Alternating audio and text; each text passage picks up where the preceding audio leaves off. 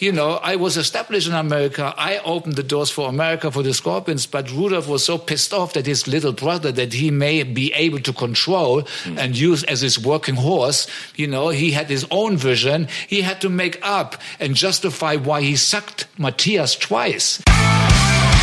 Rock Welcome to Rock Dude 64 and a new international episode. The guest this time is the great guitar legend Michael Schenker. Michael has a long, long career and he started out in Scorpions together with his brother at the age of 17. From that point, he went forward to joining the UFO and did a real breakthrough in USA. During the next couple of years, he became the huge and famous guitarist he is today. He also lived at the manager Peter Mensch home and hanged out with a lot of the great musicians of that time. How was he influenced by the successful start of his career?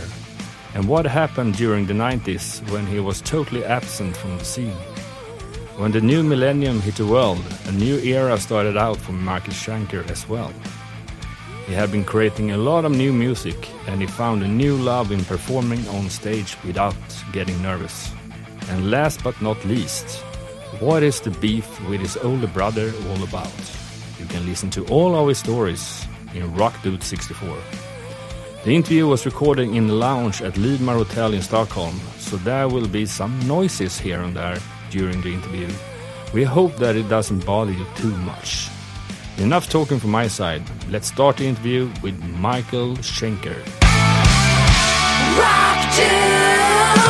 Welcome, listeners, to a new international episode of Rock Dudes. Uh, and today we have a legend, a legendary guitarist, Michael Schenker. Welcome.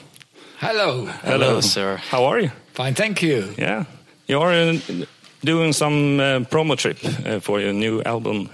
Yeah, the biggest I have done for a long time. Yeah. Uh, there used to be a time I didn't do any promotion. Yeah. The, the, the, you know, from 92 to 2000 five, seven, maybe 2008. But you know, the quote, the, the, the, the lost years of Michael Schenker. The lost years. Is that the reason to why you just got fed up regarding interviews, or? No, because it's like you know the first part of my life I was um, you know just purely having fun on the guitar and uh, unconsciously I I ended up making uh, uh, my musical contribution to the world that impacted um, you know, lots of people, lots of guitarists, generations. And um, when I was uh, 23 in 1978, I tasted, I was allowed, and I'm grateful for that, to taste um, the success and uh, fame. Um, and I was able to uh, make a decision if I want to stay there or if I wanted to um, experiment with music because and, and, and, and focus more on life. Because by that time, I actually, I call that era also the time of development, you know, because it started with Lonesome Crow. I went to Phenomenon, Force It, No Heavy Petting, Lights Out, Obsession, Strangers in the Night, and then Love Drive, uh, which opened the doors for America for the Scorpions. So basically, I call those years my years of development and um, and then from then on, I I did not really keep chasing something all the others were chasing, which I did not want to be part of. I, I didn't I didn't need that. So I, I knew that's why I say I was grateful for it because I knew I wasn't missing anything. Versus a person who hasn't achieved it and has to make a different. Was it a kind of a easy decision to do to go your own direction? Oh, absolutely. Yeah. The, the heart. Yeah. I knew that that uh, that that's what it was all about. Yeah. I mean, it would have been difficult to stay there. It would have been difficult to stay in that, in that, uh, um, you know, where by then you had um, actually connected to a machine that was relying on you. Yeah. And that's not how I started, you know. So I became famous by itself. I had nothing to do with it. And I also, my musical contribution had nothing to do with it. It all mm. happened by mm. itself. And I heard about it much later in life. I never knew until much later. And the middle years, you know, the black and white guitar marks the, my middle years. That was more for I wanted to do something very small, just experiment, no struggles with any singer or whatever. I wanted an unknown singer with a good voice and, and, and do my stuff. But I couldn't go quite as low as I wanted because Peter Mensch was standing on the other side, mm-hmm. uh, who was ACDC manager at the time, with open arms and sending me straight to Aerosmith. Mm. Oh. So here I made my decision, you know, going to a different world and he sent me, sent me straight back to it, you know. Mm. And then, of course, a lot of stuff like that happened in this period. But at least I made the one step in the right direction, which was I created my own band, you know, the Michael Schenker Group, and that was the period where I was, I could do whatever I wanted, but to a certain extent. There was an expectation still there because Peter Mensch wanted to do business with me. Mm and uh, so basically, I found myself. He wanted me to, you know, he wanted put, he wanted Mutt Lange to produce my second album, and and I said like I, I, I don't want to end up like ACDC, and also I was living with him for two years, you know, and so basically I I I, I agreed with Ron Nevison because I was used to him, mm-hmm. and so uh, you know we did after the first Michael Schenker album, we did the uh, MSG and uh, you know, and then he he was so crazy and fast. We were mixing the my, the, the second and the second Michael Schenker Group album. While Ron Nevison was mixing, we were already at the Budokan mm. recording the next mm. album. Mm. And so I don't even know which one came out first. I think the Budokan even came out first, even though it was, I can't remember in which order. it was so confusing. And, uh, you know, and then and then it was about uh, he wanted me to, uh, you know, have a different singer. Mm. So basically, what I purposely tried, he wanted me. You know, I wanted an unknown singer, but now after that album. Um, after the second album in Budokan, he wanted me to, to, you know, team up with David Coverdale. Mm. And so I actually jammed with him. In in a way, we uh, were talking about these big artists playing with you. Is it different compared to smaller ones that you never yeah. even um, played in, in that stage?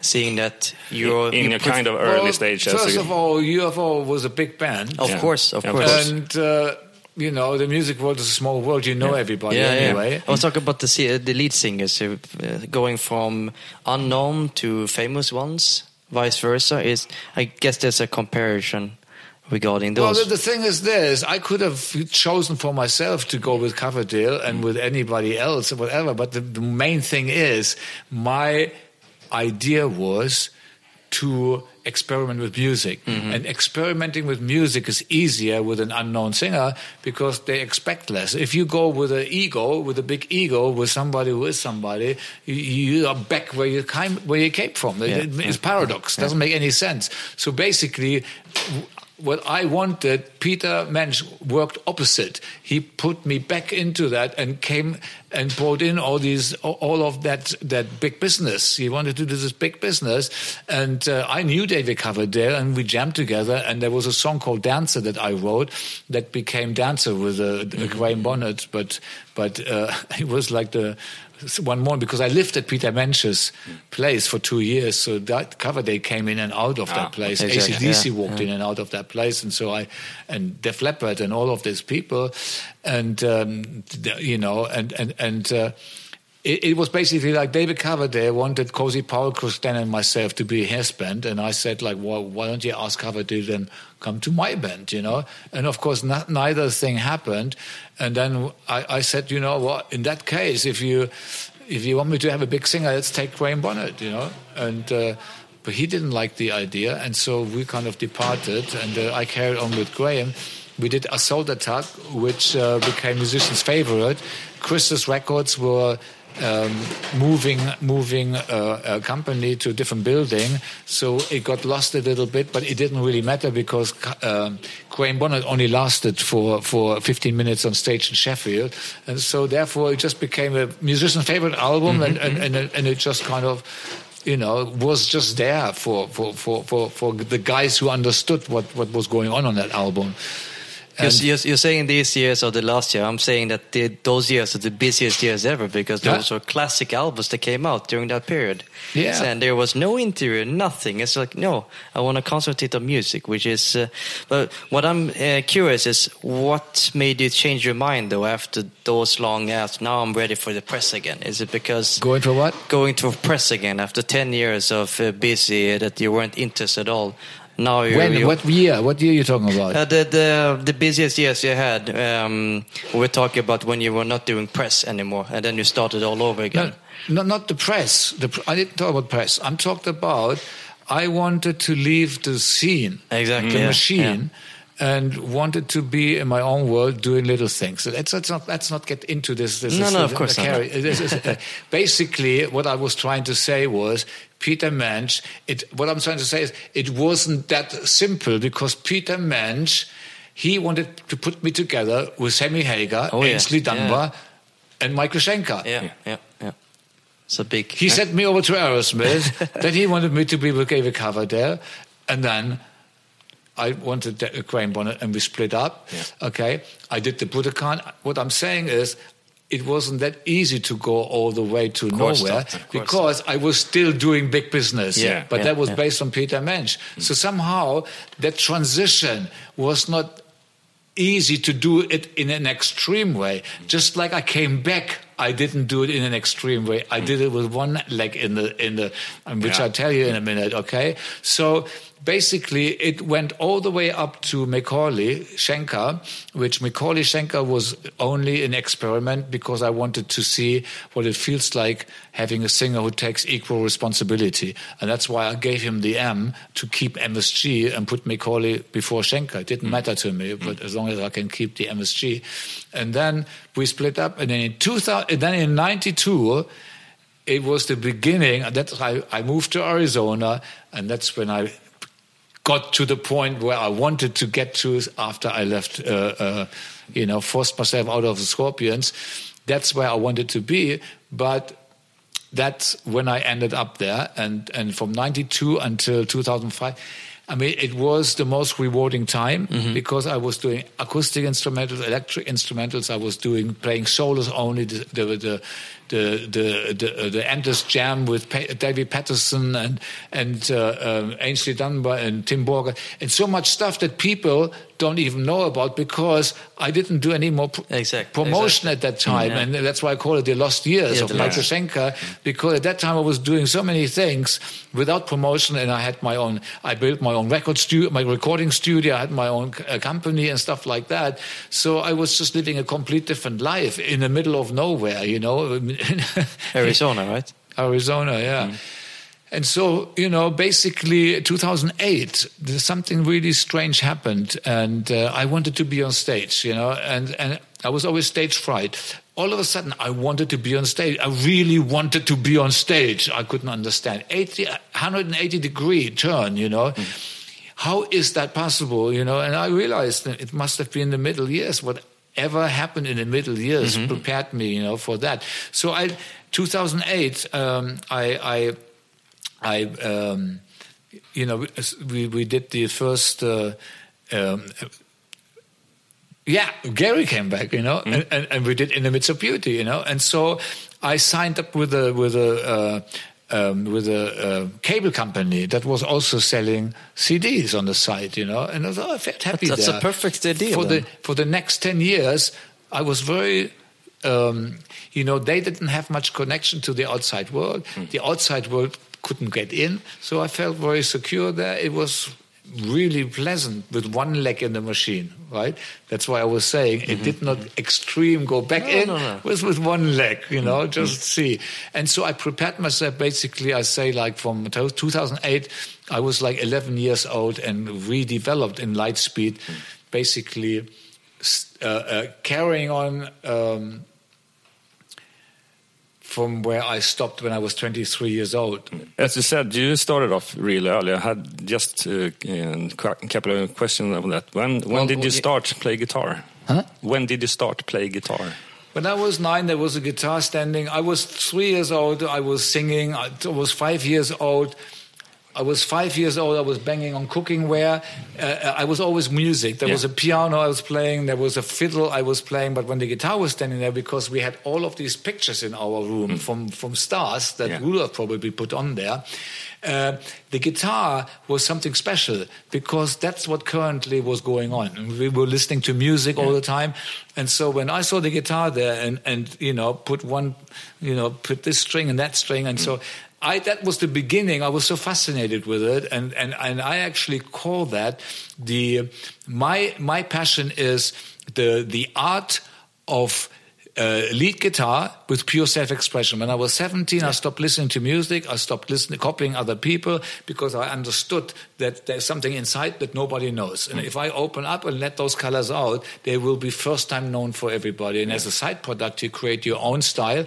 And by not listening to music or as well as you can, there's always lobby music and stuff like that, but not consuming, analyzing it, you actually also don't consume. You don't get worn out by, by consuming. So I am clearly a, a, a creator, a trend maker, not a, a conscious uh, a trend maker, but I became a trend maker unconsciously. And, um, and basically I am, you know, it kept me fresh by not absorbing all of that what goes on in the music world hmm. because it wears you out it makes you dizzy you know? You cannot create and do that at the same time. Hmm. You have to decide this or that you know? And so the people who can consume are the ones that also feed from the trend you know? So they can do both. They have to do both to stay in the latest to get piece of a pie. For me personally it was opposite. It was poison. I had to go away from it. Rock dudes. As I started my um, the development towards, I stayed with inakustik for ten years, and then something happened. On, again, which because with Temple of Rock, that was all the development with Herman and Francis and Doogie and Wayne. We did uh, four years of touring. We did like uh, two live DVD uh, CDs, DVDs, and, and and two studio albums, and we toured constantly. And um, you know, most usually, usually bands when they want a, a break, they maybe record an album for two or three years, and so they get a uh, they, they create the freshness with their fans that way, you know. So I just said, you know, we just released Spirit on a Mission is a life uh, that will keep people going for a while, you know. That's so Herman went his way, Francis went his way. They all started doing other things, and and I, you know, we did just before that happened. We did. Uh, we got offered, and a promoter in Japan had an idea to have Graham Bonnet open up for us and uh, and sing a song with us. We agreed with that, and so that stuck in my mind, and that kind of uh, subconsciously started the ball rolling. To, you know, I've been doing the Michael Schenker, um, the most popular music of Michael Schenker with all these other singers, but not the original, you know. And now it's it's you know the third part of my life. I want to celebrate, you know, and so I want to do it with as many original singers as I can, and because you know, unlike other bands. They put all their energies of 40 years into one name, yeah. and it becomes a brand name. Yeah. But I spread myself into all of these different. Yeah, because you you have changed the name during the way because you have yeah you have MSG, but you Right. put something in the But end. I split my energy into all these different lineups, which hasn't got the same impact as one solid band, Yeah. you know. But my energy went there. Hmm. So I thought if I combine all of this, all that energy, I can make it all almost like the same as Yeah. a band, you know. And I can have my original singers sing the songs, which is much more uh, attractive because it's the original, you know. And so that was the idea, and, and I said, and, and you know, asked doesn't cost, so we asked, and, and they were happy. They were as if they were waiting there, you know, Gary, Graham, and Robin. And then I put the band together, you know, Chris Glantz and, then Ted McKenna, the obvious, you know, the original Assault Attack Rhythm Section, and they were after Cozy Powell, the original MSG. And then Steve Mann was an additional idea that was kind of unique that popped up and uh, that connected with the Macaulay Schenker group. And so we had that 80s covered, you know, Yeah. and, and, and, and that was, if anything, you know, I was still in the machine at that point, you know, not on the same level as I was before because I started already experiment. I took it easy and, you know, did, did stuff just like the way I wanted and so on. And uh, then we had everything together, you know. That's we did the first gig here in Sweden Rock, and then we did there and there and there. And then 2016, I got an offer from Loud Park, uh, from a promoter to do to headline Loud Park, Yeah. which is the third uh, biggest uh, indoor arena Exactly, yeah. in the world, and uh, holds 33,000 people. And they asked me, "Do you want to headline this?" And I said, "Well, who's headlining the, the the other day?" And they said Scorpions. I said, "No, I don't do it." At the same time, I got offered from my usual Japanese promoter three concerts, and when I saw that venue in Tokyo, I thought Budokan. I Budokan never got record, got never filmed, you know. So I went like, I want to film this. I don't even discuss this with anybody. I just put the hand in my own pocket. Oh, you did? Hire Oh. the the camera uh, team, the behind the scene people, and uh, it was a fantastic show.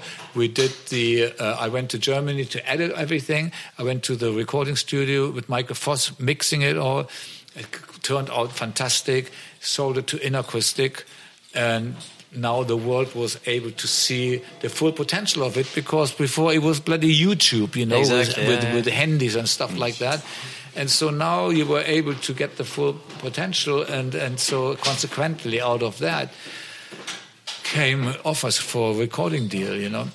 But before I get further with that, and I said to Loud Park when I said, "Who's who is first? Who, who is the first day headliner Scorpions?" No, I passed. Maybe next time. So they asked me again, 2017, if I wanted to headline. I said, "Who is doing Ag- headlining the first? No? The first pardon? Was a Scorpion again? Did, did No, they? no. No, hopefully. It not. was Slayer, start with S. But I said, great, let's Yeah. do it. And then I found then I found out that um, um, um, Gene Simmons from Kiss became our support band, Yeah. and uh, Alice Cooper Slayers, and and so we did that show, and that was the start of our mini tour. Um, with uh, three singers, you know, we, we went to Osaka, we went to Germany, Offenbach, then one sh- show in, in, in Holland, three in Spain, and four in the UK and uh, that was the end of three singers. And and and and we experienced traveling around. And you know it was another, another baby step forward. Yeah. and uh, and so anyway there was now the record deals coming in. And um, nuclear blast was the most um, attractive one. They had a very good reputation. And they were german. And my representative is german. But i said i don't want to sign. And they kept pushing and pushing and pushing. I said, I, I really don't want to do. I feel comfortable here. I don't want to do this. And then eventually, my representative said, you know, may, maybe you should do it. I did went over over a period of, of, of weeks, and um, but because he said that, I had his blessing. I said, you know, let me think about it, and and and I figure something out. So I I kind of looked back at myself and said, like, first of all um, I'm not the same Schenker I used to be, fragile, shy, and unstable. I have developed because of my middle years into a stable, strong person. So I don't need that security anymore. Whatever it was that I set up, or um, I've done all my experiments. I have no wish left. You know, I, I got rid of everything. You know, I'm free person now. Plus, the Schenker Fest is a much bigger undertaking. It needs proper support. And uh, funny thing was that I got uh, invited to pick up an award at Hard Rock Hellfest, the Axeman Award. At the same night, Nuclear Blast received an award as best label. Ah, it was meant to I be. I went, wow, this is kind of too you know, it, it It's a just all too big fitted together. coincidence. Yeah, yeah. And then, uh, you know, I wanted on the album, I wanted to have uh, Dee Snider sing on one song that, w- that, that was a chorus, which sounded just like Dee Snider would be perfect for that. We called up the management, and we never heard anything back. And at that same night, Dee Snider. I said, what, must, what are you doing here? We were looking for you. We wanted you to sing. We called your manager. What? I never heard about this. I would have been an honor to sing on your record. Oh, no wow. heavy petting, UFO. When I, when I heard that album, I had to tell all my friends. And the reunion, when you did in New York, I went to see the concert. I said to my friends, this is what a reunion should look like. And he went, bah, bah, bah, and the music was loud. And he has such a loud voice. Yeah, know, exactly, yeah. Unbelievable. But it was funny. It was like just the, that, that circumstance there. It, was unbelievable. Really fun, you know. And uh, so basically, um, you know, I, I'm happy now. I signed, you know, and then and then of course, they, because they they said like, um, you know, all of a sudden there was this big thing about. Um, well, just make an album, take your time, no pressure, no, and so on. I said, "W- w- wait a minute, no, no, no. W- w- We already have booked an American tour for the 6th of, of, of March 2018. We need to have an album out Yeah. and in such a way that it all makes sense, you know. So we need to figure out a schedule. We, we, we already started actually the album. I started in, in seventh uh, in June. We have to make a schedule so everything fits, and by the time the album needs to be released, so we have plenty of time to promote and so on and so on. Mm-hmm. know. So. And I guess they, they, they were happy about that in a way, you know, and uh, and so we started making a schedule, you know, and, and so we knew exactly how to pace ourselves and stuff like that. I don't think it went everywhere. I don't think it reached Graham Bonnet and and Doogie. He took the first five songs immediately. I said, Doogie, we're four, four singers, three songs. So, oh, which one? The best ones first. yeah, and so the people that thought they had all you know all, all time, it, it, they started to get up, you know, and they knew that the first three songs were already gone. So they're starting now to. So we, I, we did, I, I said to Michael, we just send out all the songs. And maybe they all pick what the other one doesn't pick. Maybe, maybe Makes we're lucky. Yeah. But I also didn't want three songs, three songs, them, three songs. It would have been too clinical, you know. I wanted three, two, three songs to be sung, all singers together. And uh, the second song I, you know, put on the table, and Michael Voss in the morning came up and said, like, Michael, I have a lyrics and a melody for for your second song that you wrote. And he played it to me. I went like, "This is unbelievable. This is perfect for everybody to sing." And that became Warrior. Yeah, into And- Warrior. And, it, I was so happy, and because the song is so great too.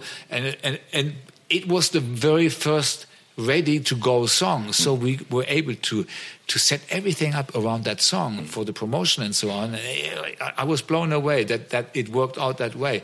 And then you know, that I wanted to make a, a record. Um, the, the Michael Schenker Fest in the studio, you know, was the, the title, you know, that I wanted to have. And I imagined a big, big table with a feast on it, you know, mm. in the background, the recording studio, Michael Schenker Fest in the studio, drinking and eating, a, you know, or like medieval feast, you know, mm. like, like Yeah. that, you know, woman with big bosom and bringing of- pints of beers and stuff like that. And so that was kind of a, a funny idea and a start, you know, to get going on that level. You know, the, the, the, the art department got that and so on. And then as we starting to get the first results in from Doogie, Take Me to the Church, what, what, how does he come up with that kind of stuff, you know? and then the next moment is like um, Michael Voss is, is, is singing, uh, writing The Last Supper.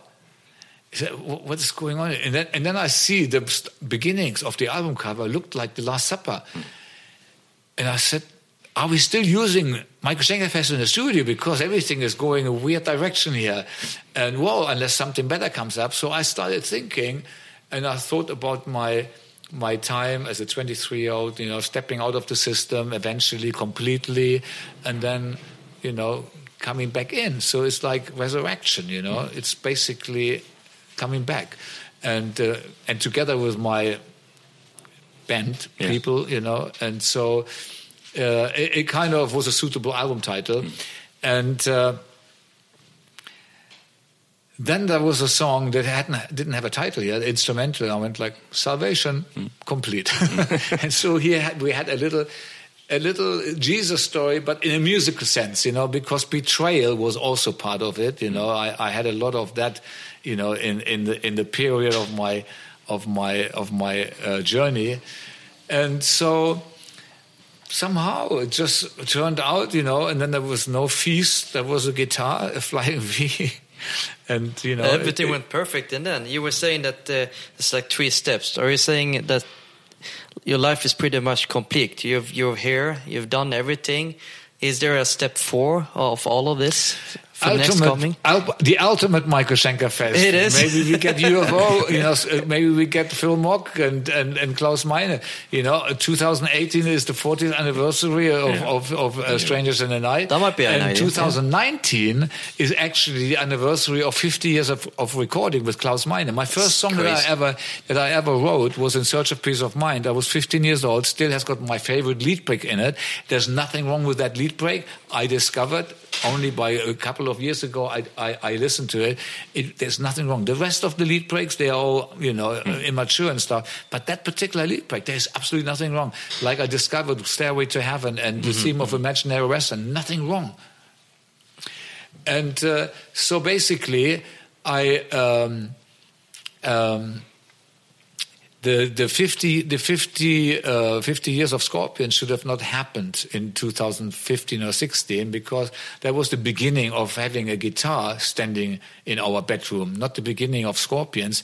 It was the, you know the beginning of something is when you make a record, when you actually have recorded something, and that would be 2019. That's why I call it because Scorpions already did 50 years of Scorpions. Pretty which much. was- they just needed it just needed a slogan, which was completely silly, but. Uh, that's why I call it 50 years of recording, and that's what it was. It was the first uh, uh, recording we we we did together, Klaus and I. And the fir- "In Search of Peace of Mind" was my first ever written song. I did it in my mother's kitchen. There was nobody there.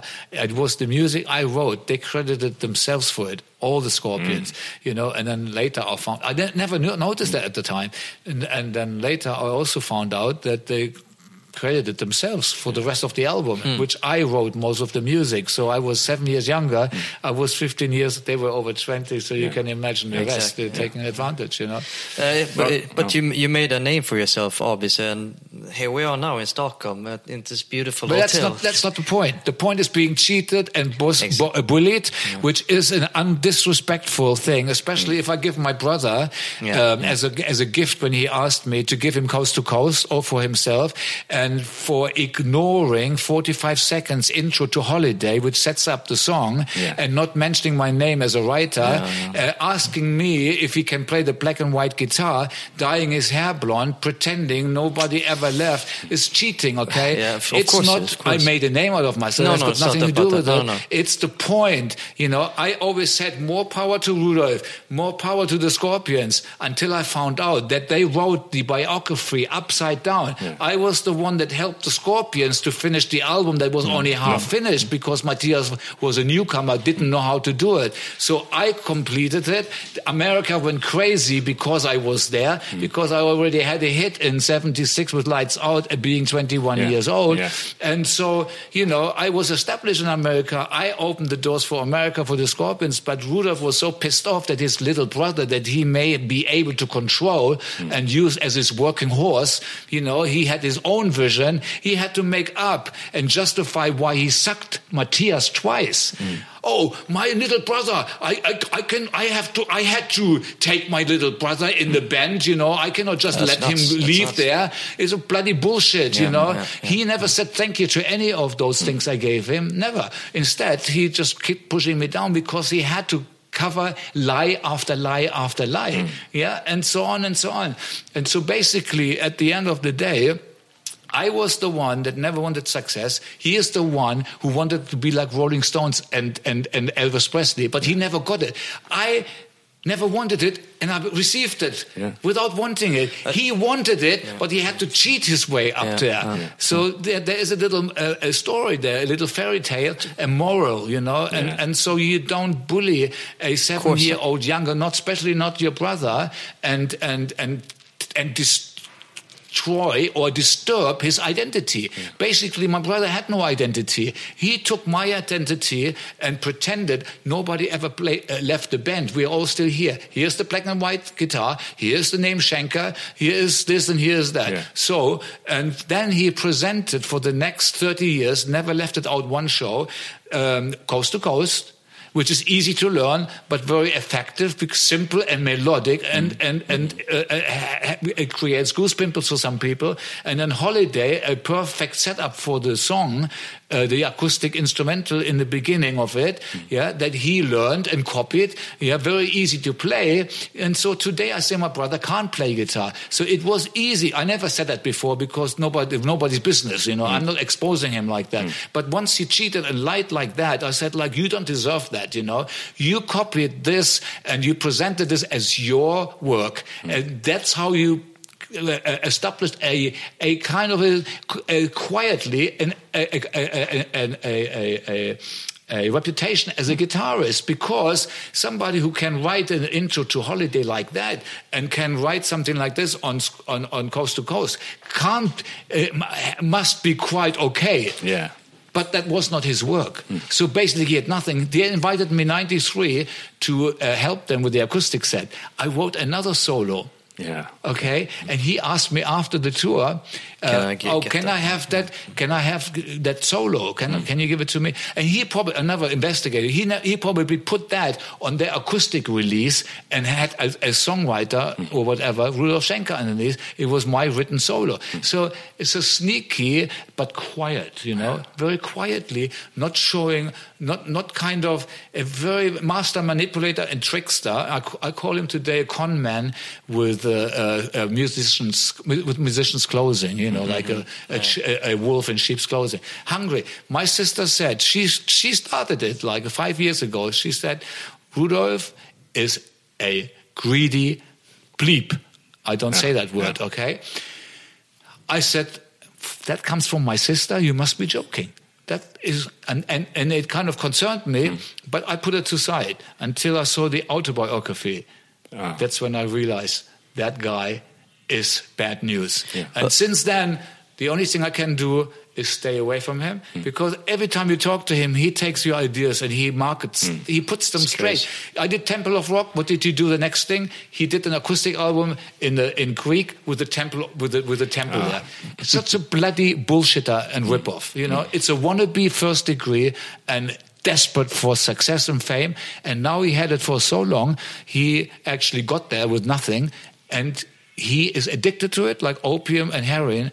You cheat, you walk over dead bodies to keep getting that drug. Hmm. And that's the position he is in right hmm. now. Hmm. Well, Michael, you've been true to yourself all this time, and obviously you can see where the talents, which is you, obviously, in terms of everything. So, Okay, I think it's With, with, with, that, up. with that said, it, that, that's, that was a quite historical event with everything, and looking forward to the next coming years with with everything and, and the album, of course. yeah. Warriors. yeah, okay.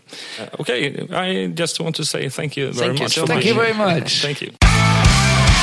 Rock Dudes. Thank you for listening to Rock Dude 64, where our guest Michael Schenker did tell us all about his experiences and all of the stories about touring and more.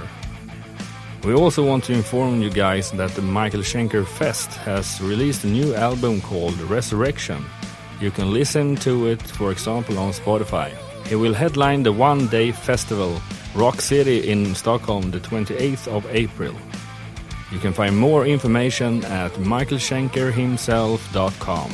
Don't forget to follow us on our social media network as Facebook, Instagram, YouTube, and Twitter. Search for Rockduspodden and please write some comments about this episode or what you're thinking about this podcast and uh, which guests you want to be in our future episodes of Rock Dudes.